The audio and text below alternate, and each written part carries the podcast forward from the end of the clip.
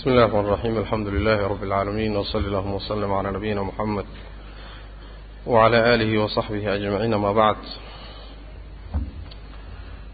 فيقول المؤلف رحمه الله تعالى ويقولون إن الله يخرج من النار قوما من أهل التوحيد بشفاعة الشافعين وبرحمته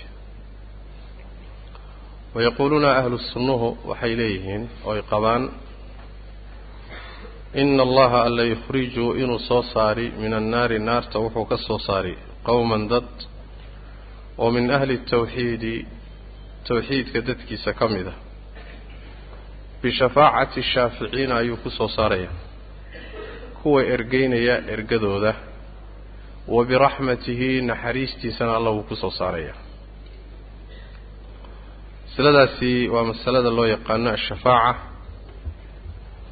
waana arrin aakharo dhacaysa. Shafaacadana waxaa la yidhaahdaa asluha min ashafci baa laga keenay waa lamaaninta laba shay markaad isku lamaanisaa shafci la yidhaahda waxaana laga wadaa addoonka codsigiisa iyo ka ergeynaya shaafica codkiisa labadaasaa la ysku lamaaninaya markaasaa la gudbinaya. Saasaa shafci loogu magacaabay isilaaxana waxay culimmadu yidhahdaan shafaacada waxaa la yidhahdaa altawasutu lilgayri bijalbi manfacatin wa dafci madara saasaa la yidhahdaa. In ruux xaajadiisa aada dhex gasho oo markaa ama manfaco aada u soo jiidayso cid kaleeta kaga maqan aada uga soo ji keenayso ama dhib haysta in aad sidii looga qaadi lahaa ayaad u ergeynaysaa oo u dhexgelaysa taasaa la yidhaahdaa. Shafaacadu marka waa noocyo nooca ugu muhiimsan uguna weyn. Waa shafaacada loo yaqaano ashafaacatu alcudmaa shafaacada wax kaloo dhan ka weyn oo iyada ugu weyn wey macnaha waana shafaacada dhici doonta banka qiyaamaha marka la taagan yahay nebigeena khaas nebigeenna moxameda sal alla alay wasalam ayay khaas ku tahay.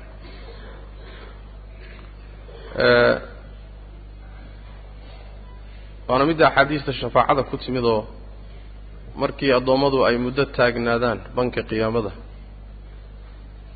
ayay waxay dhahayaan ilaahay tabaaraka wa tacaala bad cid inoogu tagto oo inoola hadasha aan raadinno.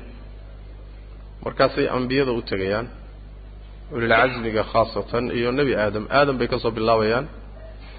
Aadana waxaana haysta waad aragtaayo ilaahay noogu tag bay dhahayaan wuu cudur daaranaya. Meeshaydii ma aha buu leeyay maanta. Kadibna waxay soo marayaan nebi nuux isaguna waa cudur daaranaya. Nebiyullaahi ibraahim waa cudur daaranaya. Nebi muuse waa cudur daaranaya. Nebi ciise waa cudur daaranaya.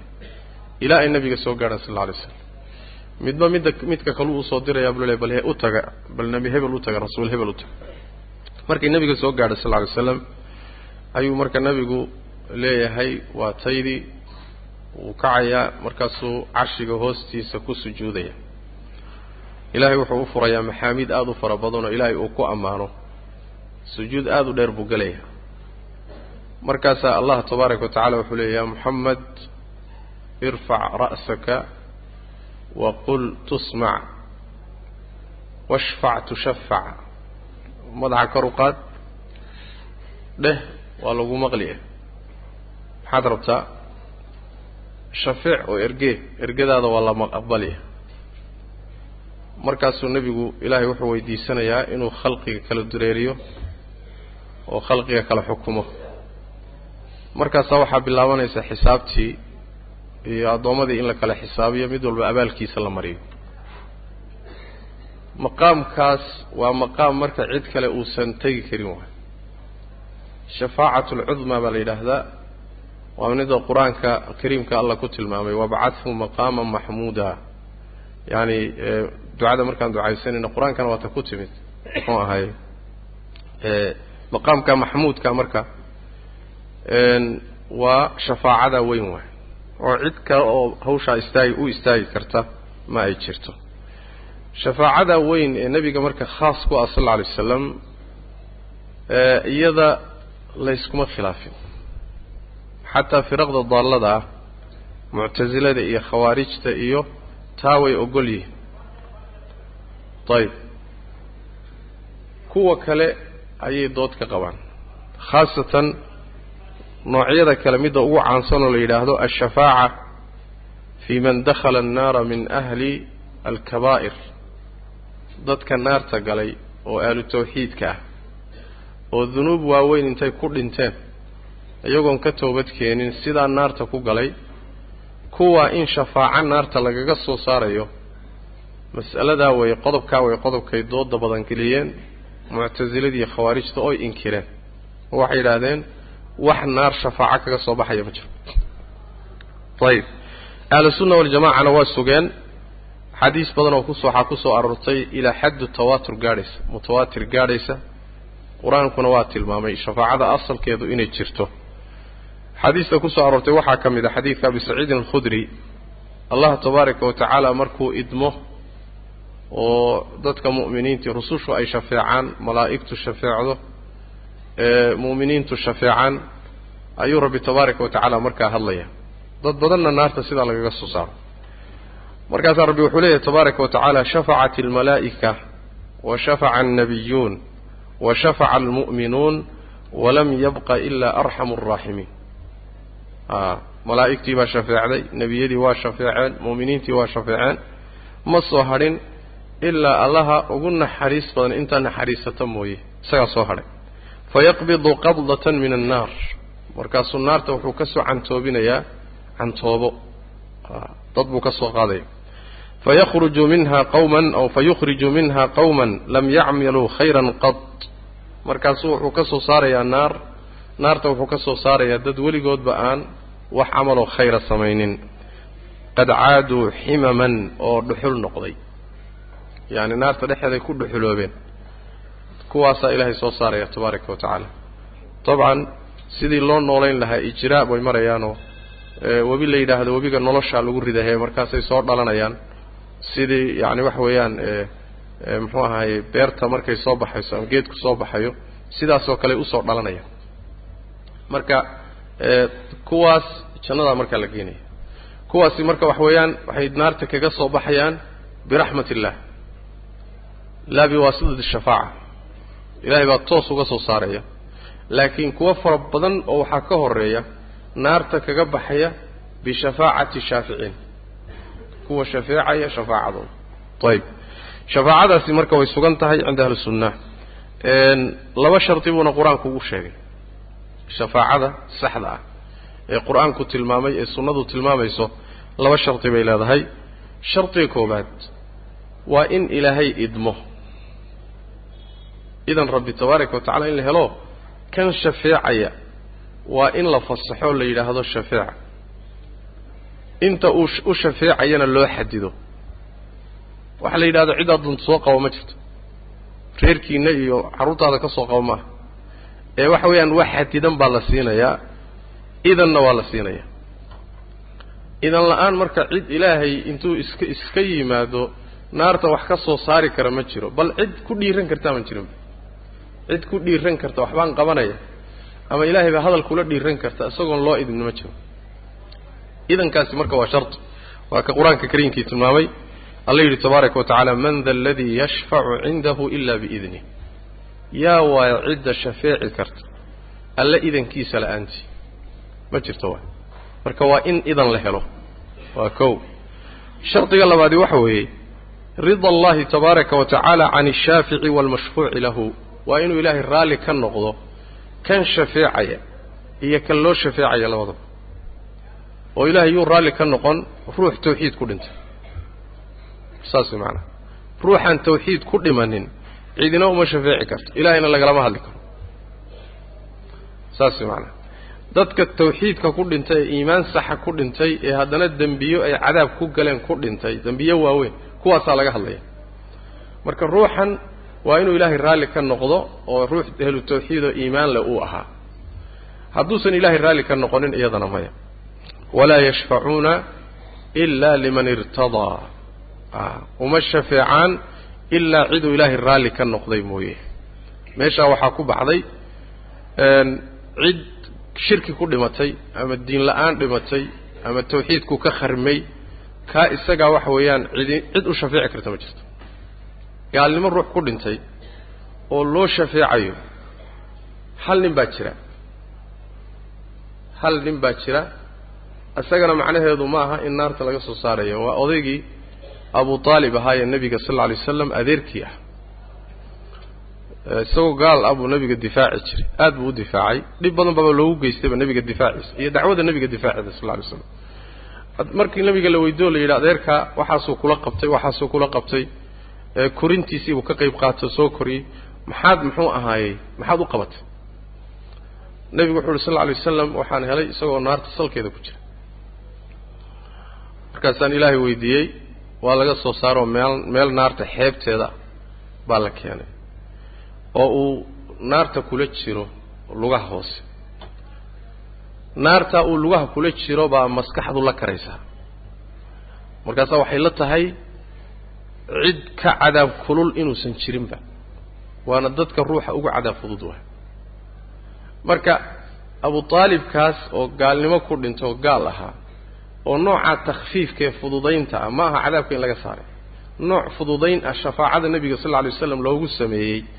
Arrinkaasi waa khaas. Nebiguu khaas ku yahay jihada kalena abu aalib buu khaas ku yahay. Amaa gaal kale oo diin la'aan dhintay oo tawxiid la'aan dhintay oo shirki ku dhintay oo naar laga soo saari ma jiro. Taasi maanaa ma suuroobi karto.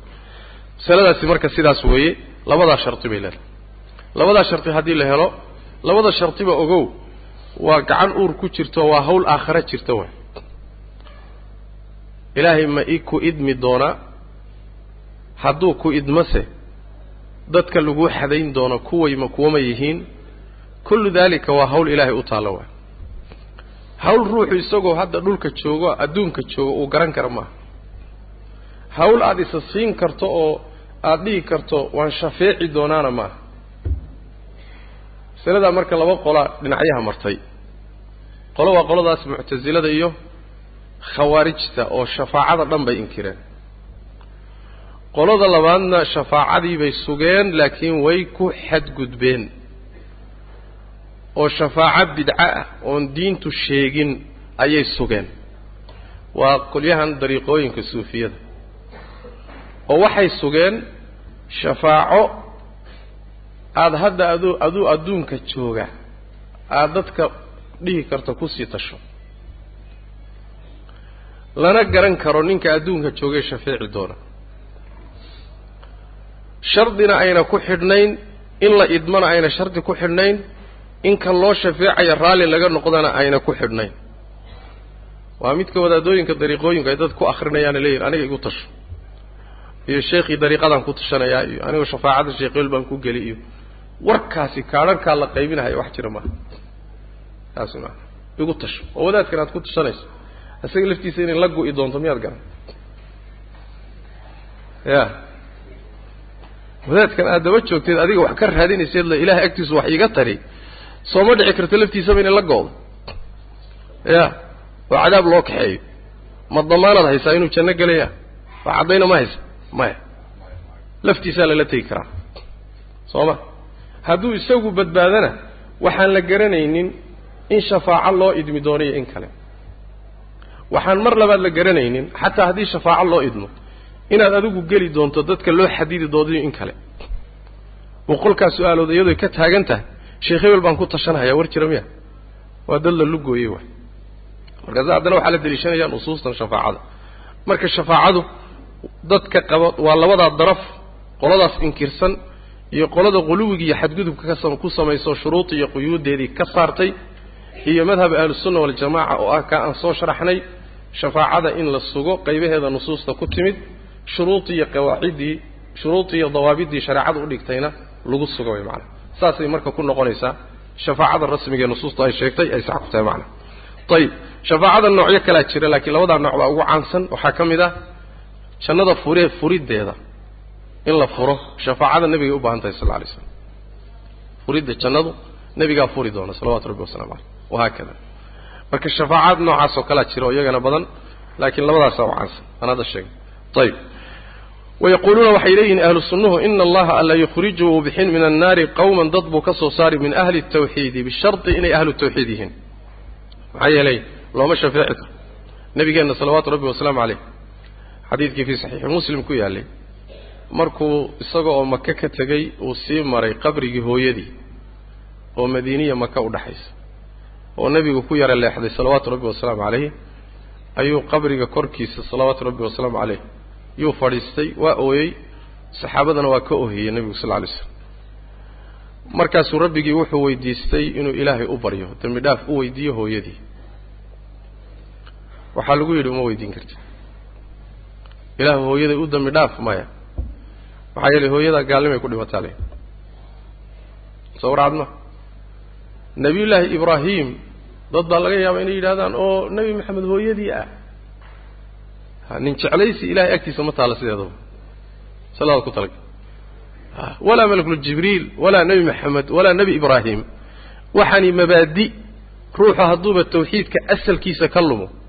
Nebi buu dhalay iyo nebi walaalo ahaayeen iyo nebibay wada dhasheen iyo warkaa ma yaallo soo ma? Laakiin xeer jacabkaas dad baa qaba. Xeer jacabkaas dad baa qaboy diin ka dhiganahay ilaahayse agtiisa waxaa yaalla wixii kale u kaadiya haddaad tawxiid la'aan dhimato ilaahu muu nebi ku dhalo adigana nebi aad dhashid. Waxaad doonto noqo nabiyullaahi ibraahim calayhi wacalaa nabiyina asalaatu wasalaam binasi alqur'aan aabihii aazar soo looma diiday binasi alqur'aan khaliil raxmaan waayo haddana waxaa la yidhi faraha ka qaad nabiyullaahi nuux calayhi wacalaa nabiyina asalaatu wasalaam xaaskiisii soo qur'aanku ma sheegi. Daraba allahu maala liladiina kafaruu imra'ata nuuxin wa imra'ata luut. Nebi nuux xaaskiisii iyo nebi luut xaaskiisiiba meeshaasay naarta gelaya nebi nuux wiilkiisii ku dar. Soo ma? Waa wiilkiisuu dhalay wey inahu camalun hayru saalixin laysa min ahlika. Inahu camalun hayru saalixin baa leey. Bannaanka mari. Marka war la yidhahda ma jiro xeer jacab iyo muxaabaad iyo yaani mushrik ilaahay uma sameeyo. Soo ma mas'aladaasi marka waa mas'alo ruuxa muslimkaa ku bixinaysa ee ilaahay rajo ka qaba inuu tawxiidka iska saxo. Oo tawxiidkiisa uusan ku khamaarin a qubuur la baryo iyo wadaad wax loo raadsaday iyo geed laysku masaxa iyo yacni khalqi loo yeedha iyo baabkaas haddii lagu tabriiriyood halkaa ku dhimato waxaad ku tala gashaa wixii uun gaal ku talageli lahaa saas macanaa cid kuu shafeeci iyo cid ilaahay kaala hadli karta ma jirto. Adiga awliya o dhan suka cabdiqaadir baa sheegaya kuwa ka waaweynkeena. Waxba kama qaban karaan hawshaa iyada. Nebigii baa wax ka qaban la xaggee awliya joogta.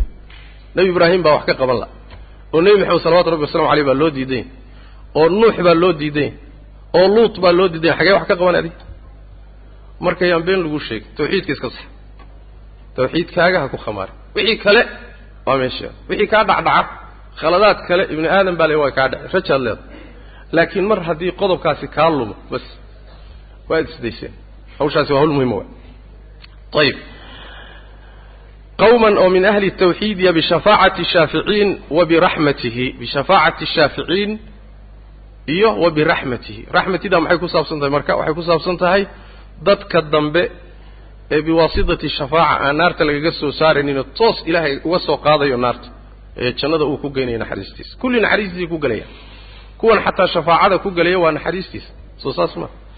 Ayib hadday naxariistiisa tahay su'aal baa taallo. Maxaa ruuxan ergeel loo leeyahay? Haddiiba ilaahay uu janno geynayo dadka. Ergadu maxay macnaheedu tahay?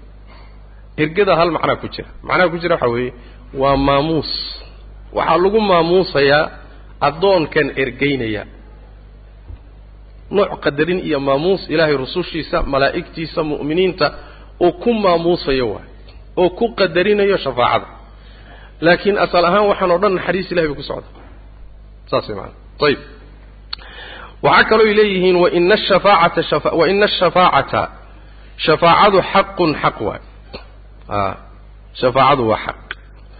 Ayib saa u soo sheegnay. Midda weyn iyo kuwa kaleba axaadiista ku soo aroortayna waa mutawaatir khaasatan yani asxaabu alkabaa'ir min ahli aliimaan shafaacadooda axaadiista ku soo aroortay waa xadiis mutawaatira wey waxay kaloo qabaan wa ina alxawda darkuna xaqun isaguna waa xaq.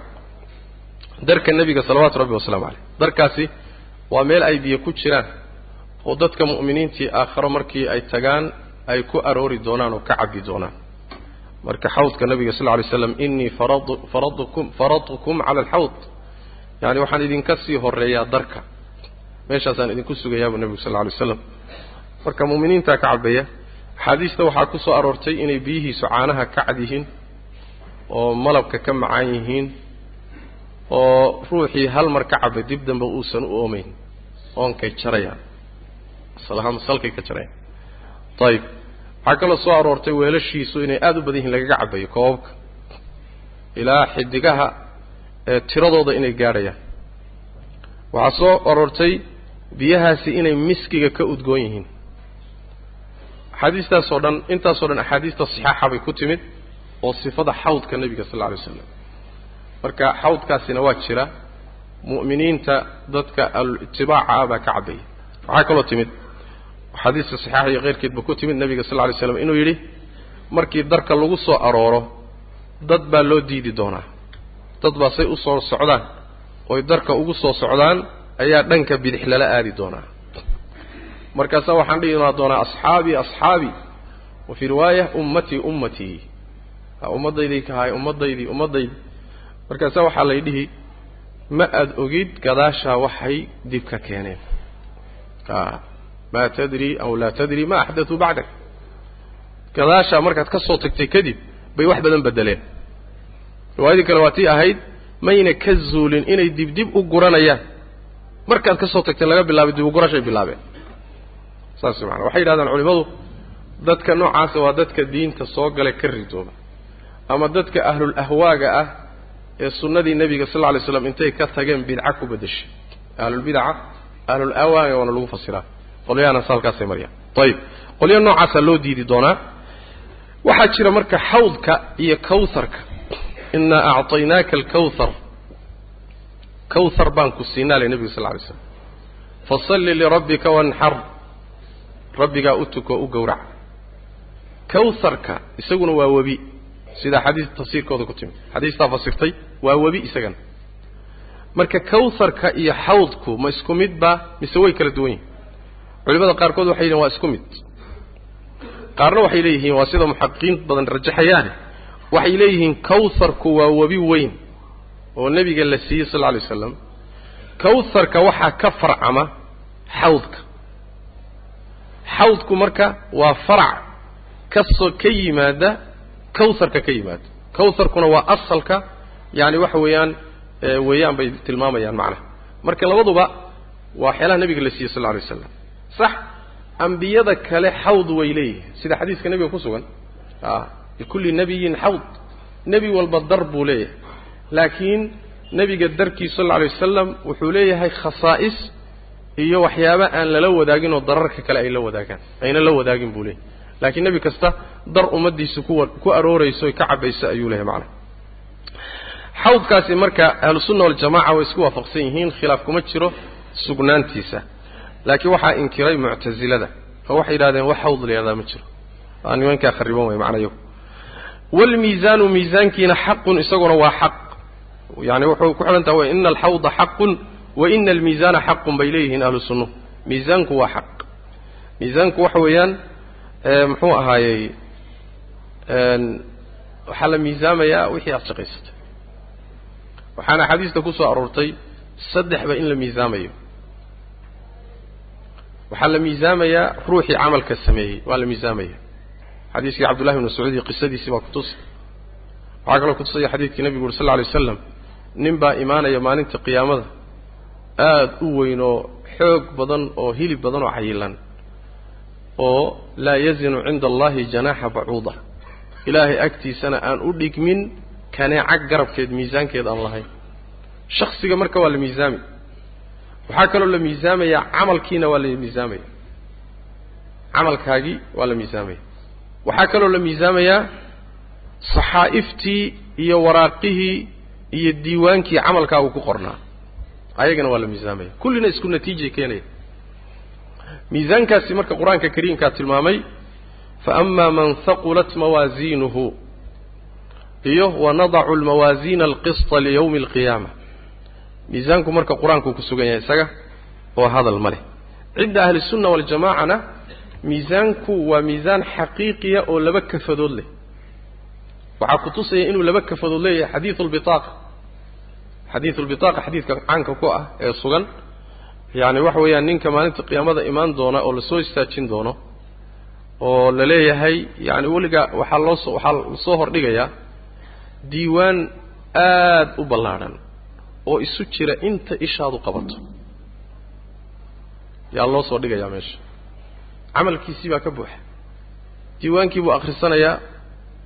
Markaasaa waxaa la leeyahay wax lagaa dulmiye ma jiraa maya waxaan sooma wada qabtid hawaa qabaa wax aad samaysay ood xusuusantao khayra ma jiraa markaa luu yahay maya waxba ma xusuusto. Markuu is yidhahdo wallahi waa halaagsantay ayaa waxaa loo soo saarayaa marka kaadh yar ama bitaaqo oo ay ku qoran tahay laa ilaaha ila allah waxaa lagu leeyahay camal baa agtanada kuu yaalla laguna dulmin maayo. Kaadhkaasaa la soo saarayaa kaadhkii markuu arkuu leeyahay oo rabbiyow kaadhkan yarkay intan la eg. Sagaal iyo sagaashan diiwaan oo mid walba ishu intay qabato isu jira muxuu ka tari? Sagaal iyo sagaashan diiwaan. Markaasaa la leeyahay lagu dulmin maayo bidaaqadii laa ilaaha ila allahu ay ku qorayd baa miisaan kafad la saaraya. Sagaal iyo sagaashankii diiwaan ee camalkiisu ku qornaayo khayr uusan ku jirin kafadda kalaa la saaraya. Laa ilaaha ila allah bidaaqadii kafadday ku jirtay baa cuslaanaysa oo roganaysa marka. Leanna waxa weeyaan ilaahay magaciisa wax la miisaana ma jiro. Marka xadiidu lbitaaqa la yidhahda xadiidkaas waana xadiidka tilmaamay miisaanku inuu laba kafadood leeyahay. Meeshaana waxaa ka muuqata inuu yahay miisaan xaqiiqi ah. Saas macanaa saddexdaa shaybana waa la wada miisaamaya shaksigaa la miisaami camalkii laftiisaa la miisaami saxaa'ifta camalku ku qoran yahayna waa la miisaamaya. Saddexdaasina isku natiijay keenaysaa. Meeshaa wixii ka soo baxa un baana adduun addoonka la marinaya macnaha waalmiisaanu miisaankiina xaqun waa hadday yaani miisaanka xasanaadku cuslaadana fa huwa fii ciishatin raadiya wa. Hadduu fududaado oo kii sayi-aadka iyo dunuubtu cuslaadana fa ummuhu haawiya waay marka. Saas maanaa ayib waalmiisaanu miisaankii xaqun waa xaq oo yacni waxa weeye shaki kuma jiro waa sugan yahay wey macnaha. Waalxisaabu xisaabtiina iyaduna xaqun xaq wey xisaabtuna waa xaq. Xisaabtuna waxa weeye addoommada in la xisaabinayo oo ruux walba wuxuu sameeyey lala lafagurayo. A mid mid laysula dultaagayo.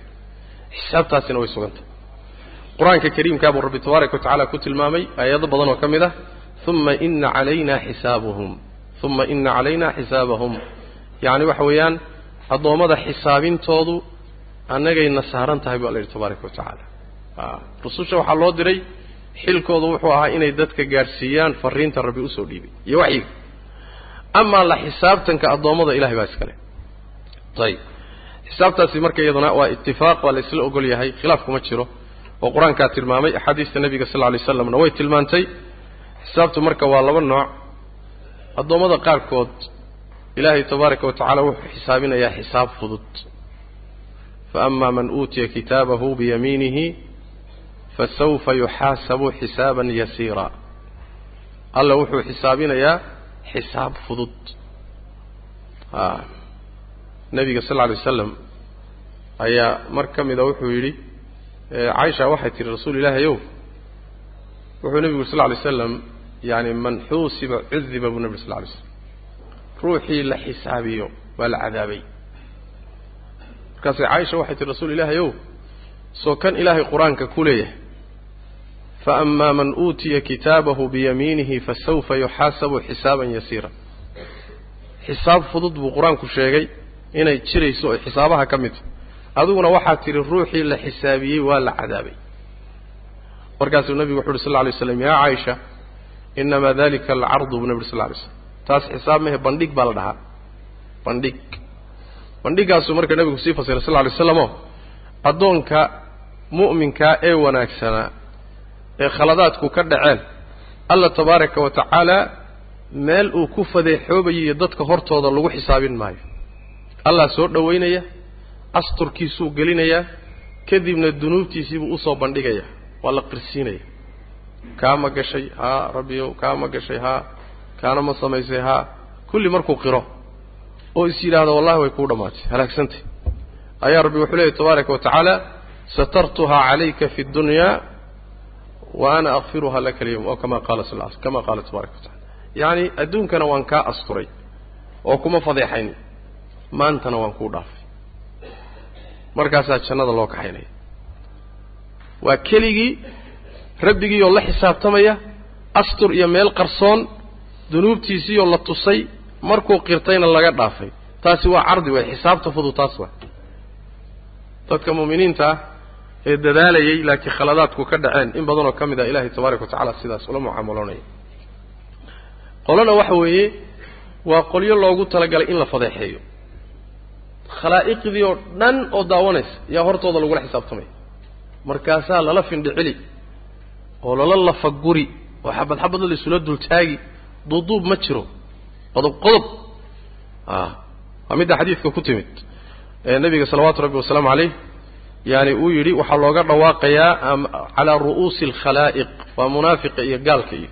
Markaasaa waxaa la leeyahay haaulaa'i aladiina kadabuu calaa rabbihim alaa lacnat ullahi cala aldaalimiin qoladaasi marka iyaguna halkaasaa la mariyey fadeexaa lagula xisaabtamaya waa la fadeexaynaya kadibna cadaabkaa loo kaxaynaya labadaba way jiraan. Ayib xisaabtaasi marka waxaa ka mid ah in diiwaankii lagaa qoray inta lagu hor dhigoo lagu hor keeno la yidhahdo adugu isxisaabi waa nooc xisaabta ka mid o nooc xisaabta ka mid way macana iqra' kitaabaka kafaa binafsika alyawma calayka xasiiba a kitaabkaaga akhrisaa la leeyahy diiwaankaaga akhriso xisaabiye maanta adaa isugu filan baa la dhihi. Cid kaleba lagu raadin maayo. Marka intaad wada akhrido akhrido akhrido dhammayso yaa waxaa kuu soo baxaya waxa aad ahayd iyo meeshaad ku socoto marka xisaab adaaba isugu filan oo ka akhrisaa la leeyahy adiga diiwaankaaga loo idin kala bidhexbix taasina xisaabtay ka mid. Tahy waxaa ka mid a ummadda nebiga salawaatu rabbi wasalaamu calayh. Dad aan xisaab mari doonin xataa xisaabtaa fudud ma marayaan. A sabcuuna alfa sabcuuna alfin yadkhuluuna aljannata bigayri xisaabin walaa cadaab. Toddobaatan kun oo jannada geli doona iyagoon xisaabna la marinin cadaabna sii marin toos u geli doona. Nabiga sal alla alay wasalam wuxuu weydiistay in loo kordhiyo kiiba waxaa loogu daray kun.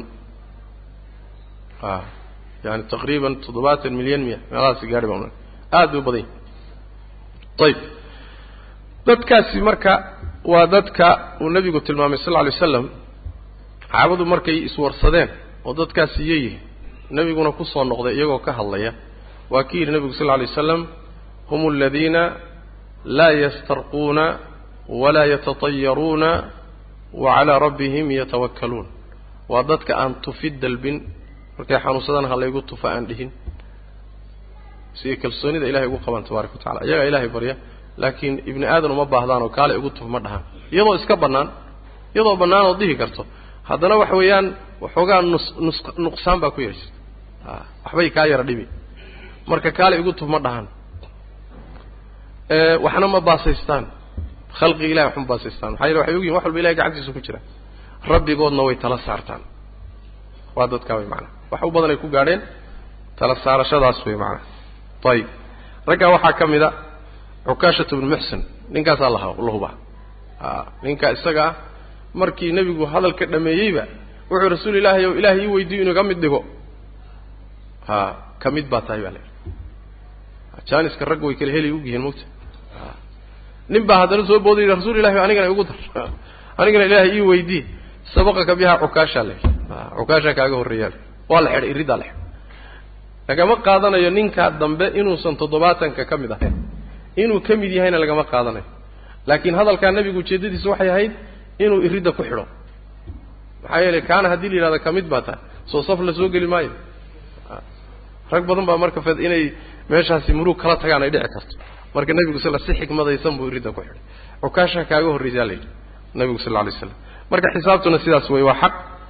Allah tabaaraka wa addoommadiisa inuu xisaabinayo sidaas weyaan oo la hor istaagayo macnaha ayib maa minkum min axadin ilaa sayukallimuhu rabbuhu wa laysa baynahu wa baynahu turjumaan. Ma jiro axad idinka idinka mida ilaa rabbigii buu la hadli doonaa. Rabbigii baa la hadli doonaa isagoon turjumaan u dhaxayn markaas xisaabtu halkaasay dhacaysa ayib waalxisaabu xisaabtiina xaqun xaq waay walaa yaqطacuuna ma gooyaan ahlu sunnuhu calaa axadin ruux korkii kuma gooyaan oo min ahli اlmilla diinta dadkeeda ka mida annahu isagu min ahli اljannati ahlu jannaha inuu ka mid yahay ma gooyaan aw amase annahu isagu min ahli الnaari ahlu naarka inuu ka mid yahay ma gooyaan oo ma jasmiyaan maxaa yeeley lianna lianna cilma dalika arrinkaa cilmigiisu muqayabun mid la qariyo weeye canhum xaggooda laga maqnaysiiyey. Ma hayaan. Laa yadruuna ma ay oga. Calaa maada yamuutu muxuu ku dhiman doonaa? Ruuxani khaatumadiisu maxay noqon doontaa ma ay oga? Ayib acala alislaami ma islaamnimada korkeeduu ku dhiman doonaa? Am cala alkufri mise gaalnimo korkeeduu ku dhiman doonaa ma ay oga? Walaakin yaquuluuna waxayse leeyihiin ina man maata ruuxii dhinta cala alislaami islaamnimada korkeeda ku dhintay iimaanka mujtaniban xaal uu yahay mid ka fogaaday lilkabaa'iri dembiyada waaweyn waalahwaa'i iyo hawooyinka shareecada khilaafsan waalaathaami iyo dembiyada ahwaada waa bidaca waalahwaa'i iyo hawaada ahwaada iyo bidacda waalaathaami iyo dembiyada isagoo ka fogaaday ruuxii sidaa ku dhinta fa huwa isagu min ahli اljannati bay dhahayaan. Saasay qirayaan ahlu jannuhu ka mid yahay. Liqowli اllahi tacaala ilaahay odhahdiisa uu yidhi darteed ina aladiina aamanuu wa camiluu asaalixaat dadka iimaanka iyo camalka saalixa laga helay hee ulaa'ika hum khayru lbariya ina aladiina aamanuu iimaan iyo camal saalixa soolama sheegin. Walam yadkur ma uusan sheegin alle canhum xaggooda demben dembi kama sheegin. Iimaan iyo camal saalixa loo sheegay dembi inay galeenna lama sheegin. Kadibna wuxuu yidhi ulaa'ika hum khayru lbariya dadka iimaanka iyo camalka saalixa laga helay waa dadka abuurka intuu ilaahay abuuray ugu khayr badan way. Jazaa'uhum abaalkooduna cinda rabbihim rabbigood agtiisa ay ku leeyihiinna jannaatu cadnin waaritaanka jannooyinkooda way. Tajri min taxtiha alanhaaru hoostoodana webiyaashu ay socdaan. Khaalidiina fiiha abadan weligood bay ku waari doonaan. Radia allahu canhum ilaahay baa raalli ka noqday. Waraduu canhu iyaguna ilahay bay raalli ka noqdeen. Wixii ilaahay siiyey raalli bay ku noqdeen. Waa qanceen ayib masaladaasi tan aan ku darno ta ku xigtana calaaqay la leedahay wuxu uhi waman shahida ruuxuu markhaati furo. Lahu isaga annabiyu nebigu sal lla alay slam bicaynihi laf ahaantiisa uu janno uga markhaati kaco. Waman shahida ruuxuu uga markhaati kaco lahu isaga annabiyu bicaynihi laf ahaantiisa. Biannahu isagu min ahli ljannati ahlu janno inuu ka mid yahay. Ahlu jannaha inuu ka mid yahay ruuxii nebigu u qiro uga markhaati kaco oo wasaxa uu asaxo lahu isaga daalika arrinkaasi u asaxo canhu nebigana uga asaxo salawaatu rabbi wasalaamu caleyh fa inahum ahlu sunnuhu yashhaduuna way qirayaan oo way uga markhaati kacayaan lahu isaga bidalika arrinkaa oo jannada inuu gelaya itibaacan raacitaan daraaddeed lirasuulillaahi ay raacayaan bay saa u yeelayaan. Iyo wa tasdiiqan rumayn liqowlihi nebiga hadalkiisa ay rumaysan yihiin sal lay ay rumaynayaan. Masaladani waxa weeye waa masalada la yidhaahdo jannada cid dhulka korkiisa joogta oon weli dhimanin. Ma dhihi karna waa ahlu janno. Mase dhihi karna hebel waa ahlu naar. Shahaadadu waa laba nooc. Alshahaada almutacalliqa bilwasfi waashahaada almutacalliqa bishaqsi labadaasay kala tahay.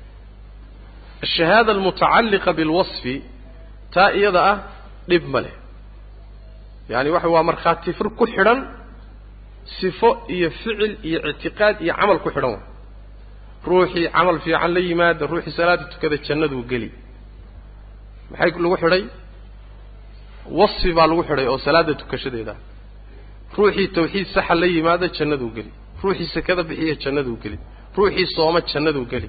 Taasi waxa weeye waa shahaadatun bilwasfi a taa iyadaa dhib ma leh camal kasta oo qur'aanka iyo sunnada ku yimid in janno lagu gelayo ruuxii la yimaada waa dhahaynaa ruuxii sidaa yeela jannaduu gelayaa waa caam wey markaas soo ma? Nooca labaad waa shahaadada la yidhahdo alshahaadatu bishaqsi alshahaada almutacalliqa bishaksi waa markhaati fur ruux ku xidhan waay ruux laf ahaantiis. A ma dhihi karnaa hebel naartuu gelaya ama koox hebla ashkhaastooda acyaantoodu naartay gelaya mase dhihi karnaa hebel. Waa waa nin khayr badan waa nin kan ah tanuu sameeyey halkanuu maray awliyuu ahaa xagguu ka duulay inuu ehlu jannaya waa hubnaa kaas ama goobtii macrakadaaba lagu dilayba waa shahiid. Jannaduu gelaya ma dhihi karnaa hebel shahaaduu qaatoo jannaduu gelaya anaa huba taas ma dhihi karnaa maya. A marka midda laga hadlayo ee fiqradani ku saabsan tahay waxa weeyaan alshahaada almutacalliqa bishaksi yani bicayni shaksi ruuxa lafahantiisa acyaanta ku tacalluqda taa iyadaa ma qiri karno saas ahlu sunnuhu ma goynayaan axad ahlu millaha ka mida dadka diinta islaamka haysta ka mid a inuu ahlu jannada ka mid yahay ma ku qirayaan. Ama inuu ahlu naar yahay kuma qiri karaan. Marba hadduu diin haysto ahlu naar kuma qiri karaan. Saas way macanaa ayib xataa iska dhaaf kuwa diinta haystee kuwa aan diinta soo gelin xataa gaalada. Acyaantiisa hebel naartuu gelaya ma dhihi karno. Saas way macanaa buush iyo shaaroon naartay gelaya ma dhihi karno. Soo ma? Oo maxaan u dhihi kari weyne waaba gaale. Su'aasha taalla waxa wey maxay ku dhiman doonaan? Miyaad garan waxay ku dhiman doonaan? Maya wax kastay sameeyeen gaalnimo o dhan bay ku kaceen wax kastay fasaadiyeen. Haddana waxaa dhici karta ilaahay tabaaraka wa tacaala addoommadiisa loogama dayriye khaatumo iyo inay islaamnimo ku dhintaan. Soo wax suroobi kara ma. Inta laga hubinayo marka inay gaalnimo ku dhinteen looma qiri karo inay naar gelayaan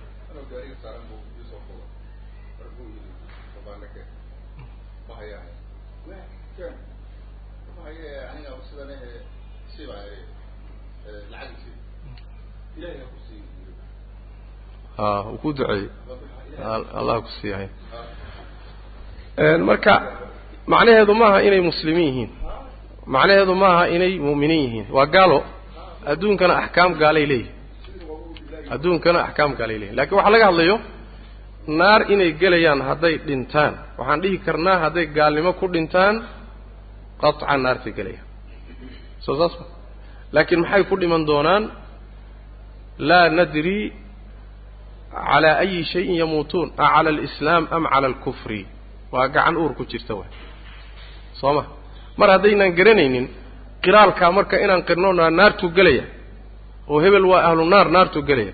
Waa hawl ilahay u taalla way tabaraka wa tacala a ninkii yidhi ku yidhi hebel ilahay u dembi dhaafi maayo. Hebel ilahay u dembi dhaafi maayo. Laba nin bay ahaayeenoo nina yaani yani daaco badan oo khayr badan oo dadaalu ah ninna nin iska qastuu ah iska gelabgelab ahoo dunuubtaa iyo waxaa iska qasta maalintii dambe wuxuu u yimid isagoo dembigiisii qasanay warka waxan maad iska daysino ilaahay ka yaabtido o ka baqdido war yaa iisoo kadirib adiga. Aniga ilahay dhexdanada ka baxa. A adiga mawaardi baa laiga kaa dhigay buu yidhi.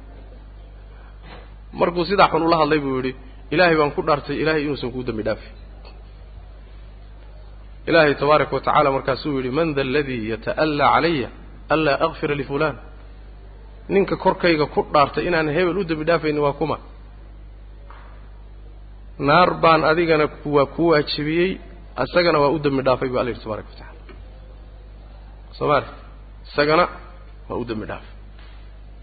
Marka hawluusan lahayn buu ninkan farageliyey soo maa hebel ilahay u dembi dhaafa iyo jannadu u dembi maayo dhaafi maayo iyo naar buu gelin iyo jannuu geyn iyo oo hawsha adiga yaa ku sii maadaa qaybiya ha gelin hawshaas waa baab ilaahay u xidhan waay. Baab ilaahay u xidhan waay. Haddaad baabkaa gasho khatar waay marka. Marka ahlusunna cid ay janno u goyn karaan ama naar u jari karaan ma uu jiro inta uu nool yahay khaasatan. Hadduu dhinto wuu soo wadaa markaas.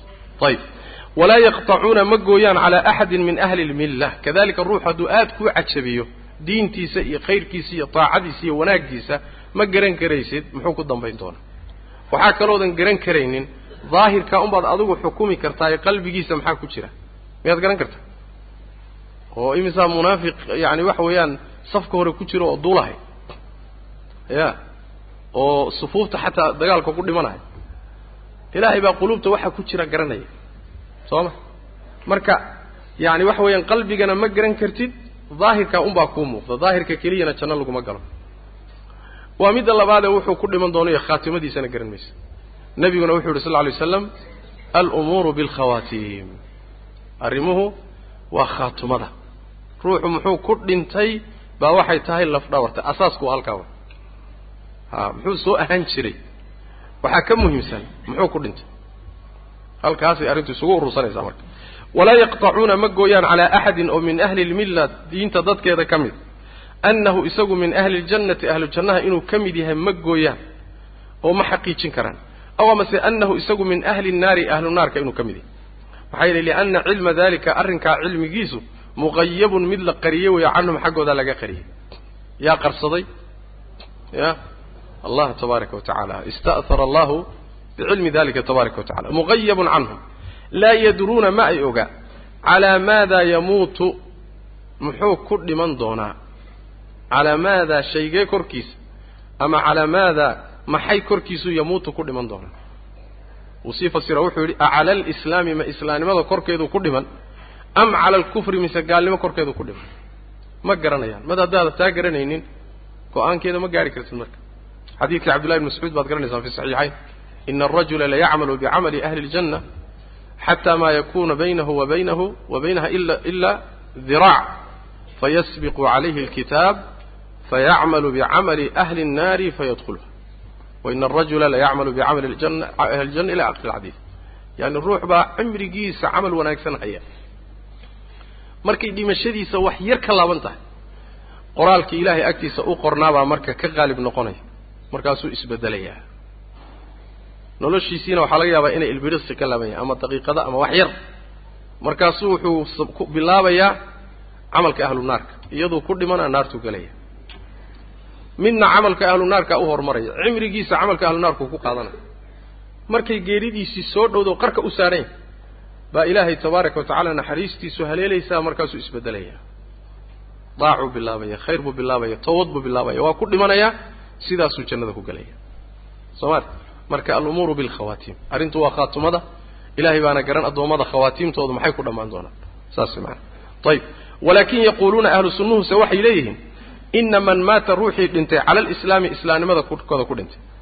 Mujtaniban isagoo ka fogaaday lilkabaa'iri xaaluu yahay mid ka fogaaday lilkabaa'iri dembiyada waaweyn waalahwaa'i iyo bidcooyinka waalaahaami iyo dunuubta fa huwa isagu min ahli ljannati buu ka mid yahay qaطcan taas marka waxa weeyaan ta horiyo tan isku mid maha ta hore ee kuu ka hadlayey waa ashahaada almutacalliqa bishaksi tan dambe hadda uu tilmaamayna ashahaada almutacalliqa bilwasfi waay saas maanaa ruuxii camal iimaan iyo camal saalixa la yimaada dembi weynna aan gelin kaasi jannuu gelayaa intaa way dhahayaan liqawli llahi tacala ilahay odhaadiisa uu yidhi ina aladiina aamanuu wacamiluu الصaalixaat walam yadkur mana una sheegin canhum xaggooda danban ulaa'ika kuwaasi hum khayru lbariyati yani khalqiga kuwa ugu khayr badan way. Jazaؤuhum abaalkoodu cinda rabbihim jannaatu cadnin wuxuu yidhi sheekhu marka waman shahida ruuxii uu qiray lahu isaga annabiyu nebigu sal lay slam bicaynihi laf ahaantiisa ma aha biwasfihi ee waa bicaynihi ciddii nebigu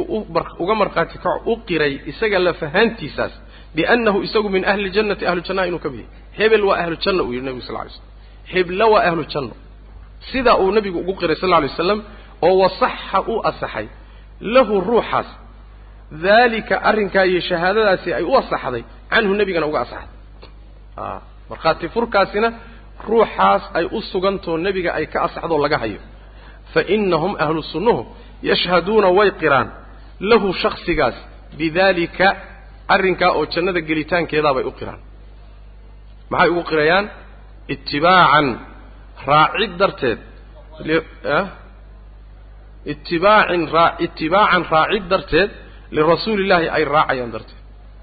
Soo nebigu ma qirinoo jannuu gelayaa ma dheh iyaguna rasuulkooday ku raacayaan sal alay slam iyo wa tasdiiqan rumayn darteed liqowlihi nebiga hadalkiisa ay rumaynayaan. Lianna nebigu wixii uu qiro iyo hadalkiisu soo xaqiiqa shaki la'aana ma laa yantiqu cani ilhawaa in huwa ilaa waxyu yuuxa. Iskama hadlo nebigu sal lla alay slam hebel waa ahlu janna markuu leeyahay waxyi buu ugu yimid. Soo ma? Waxyi buu ku ogaa rag aad u fara badan baa harkaa gelaya marka. Tobankii hal goob jannada looga markhaati kacay ayaa soo gelaya alcashara almubasharuuna biljanna. Toban keliya ma aha. Saxaabada ashkhaastooda nebigu uu janno uga markhaati kacay oo u qiray. Toban keliya ma laakiin tobankaasi hal goob bay ahayd abu bakrin fi ljanna wacumar fi ljanna wacuثmaan fi ljanna wacaliyin fi ljanna ila akhiri wazubayr fi ljanna waطalxa fi ljanna raggii tobanka aad garanaysaan wa abu cubayda fi ljanna ayib laakiin intaa way ka badan yihiin saxaabada jannada loo qiray waxaa ka mid aha xukaashahan hadda soo maray. Xukaashat bnu muxsan waxaa ka mid ahaa bilaal. Nabigu sal alay waslam uu yidhi jannada adoo dhex socdaan kabahaaga iyo shanqadha lugtaada maqlay ee maxaad ku gashay saas maanaa maxaad muxuu ahay u weydiiyey nabigu sal alay slam waa badan yihiin saxaabada nocaas maana ayib waxaa ka mid a nebiga xaasaskiisa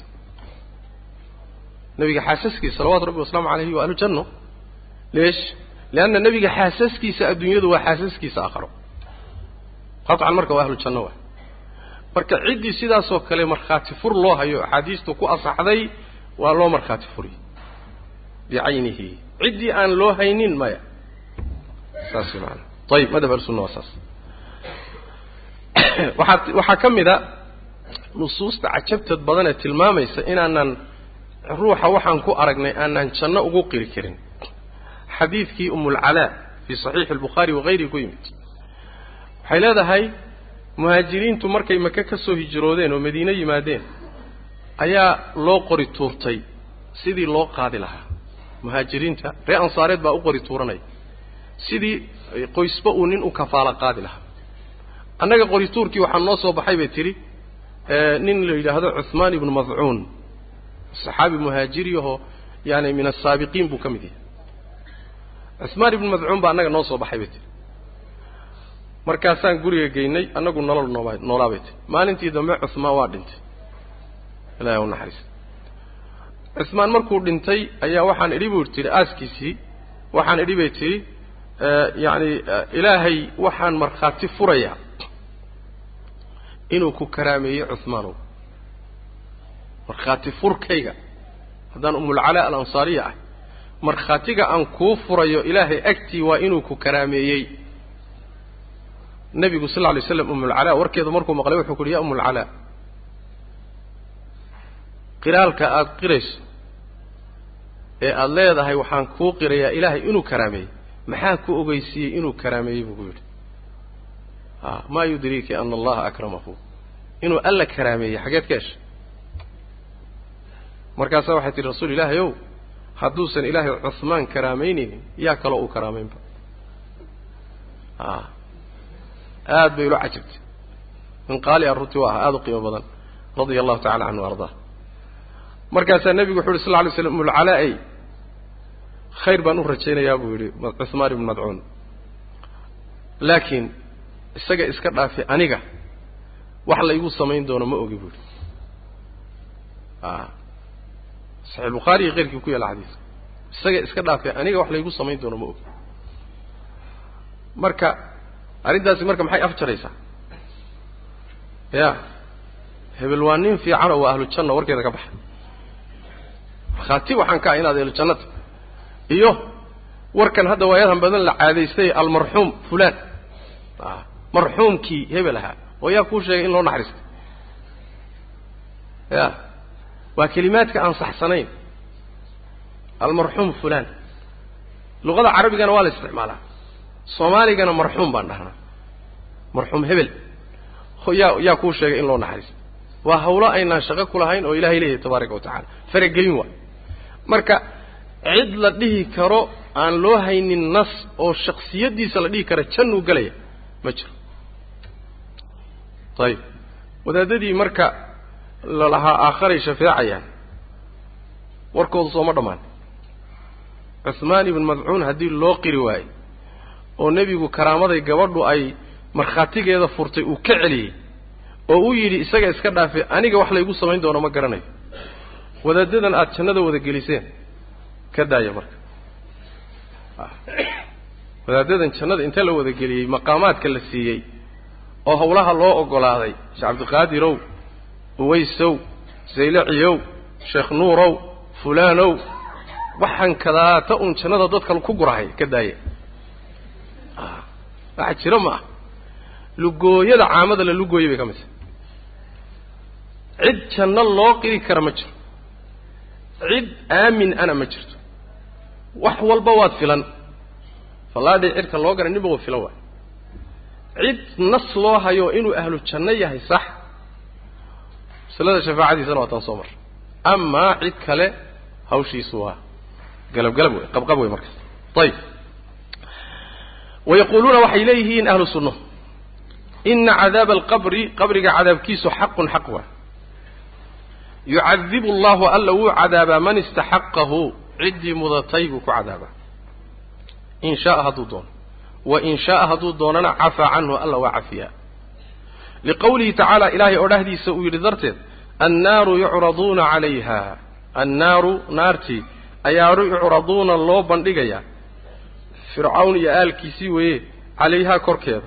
Guduwan subaxdii wa cashiyan galabtii wa yowma taquumu asaacatu saacaddu markay istaagtana waxaa la dhahayaa adkhiluu geliya aala fircawna fircawn aalkiisa ashadda alcadaabi cadaab midka ugu adag geliya fircawn iyo aalkiisa hadda qabrigay ku jiraan soo ma?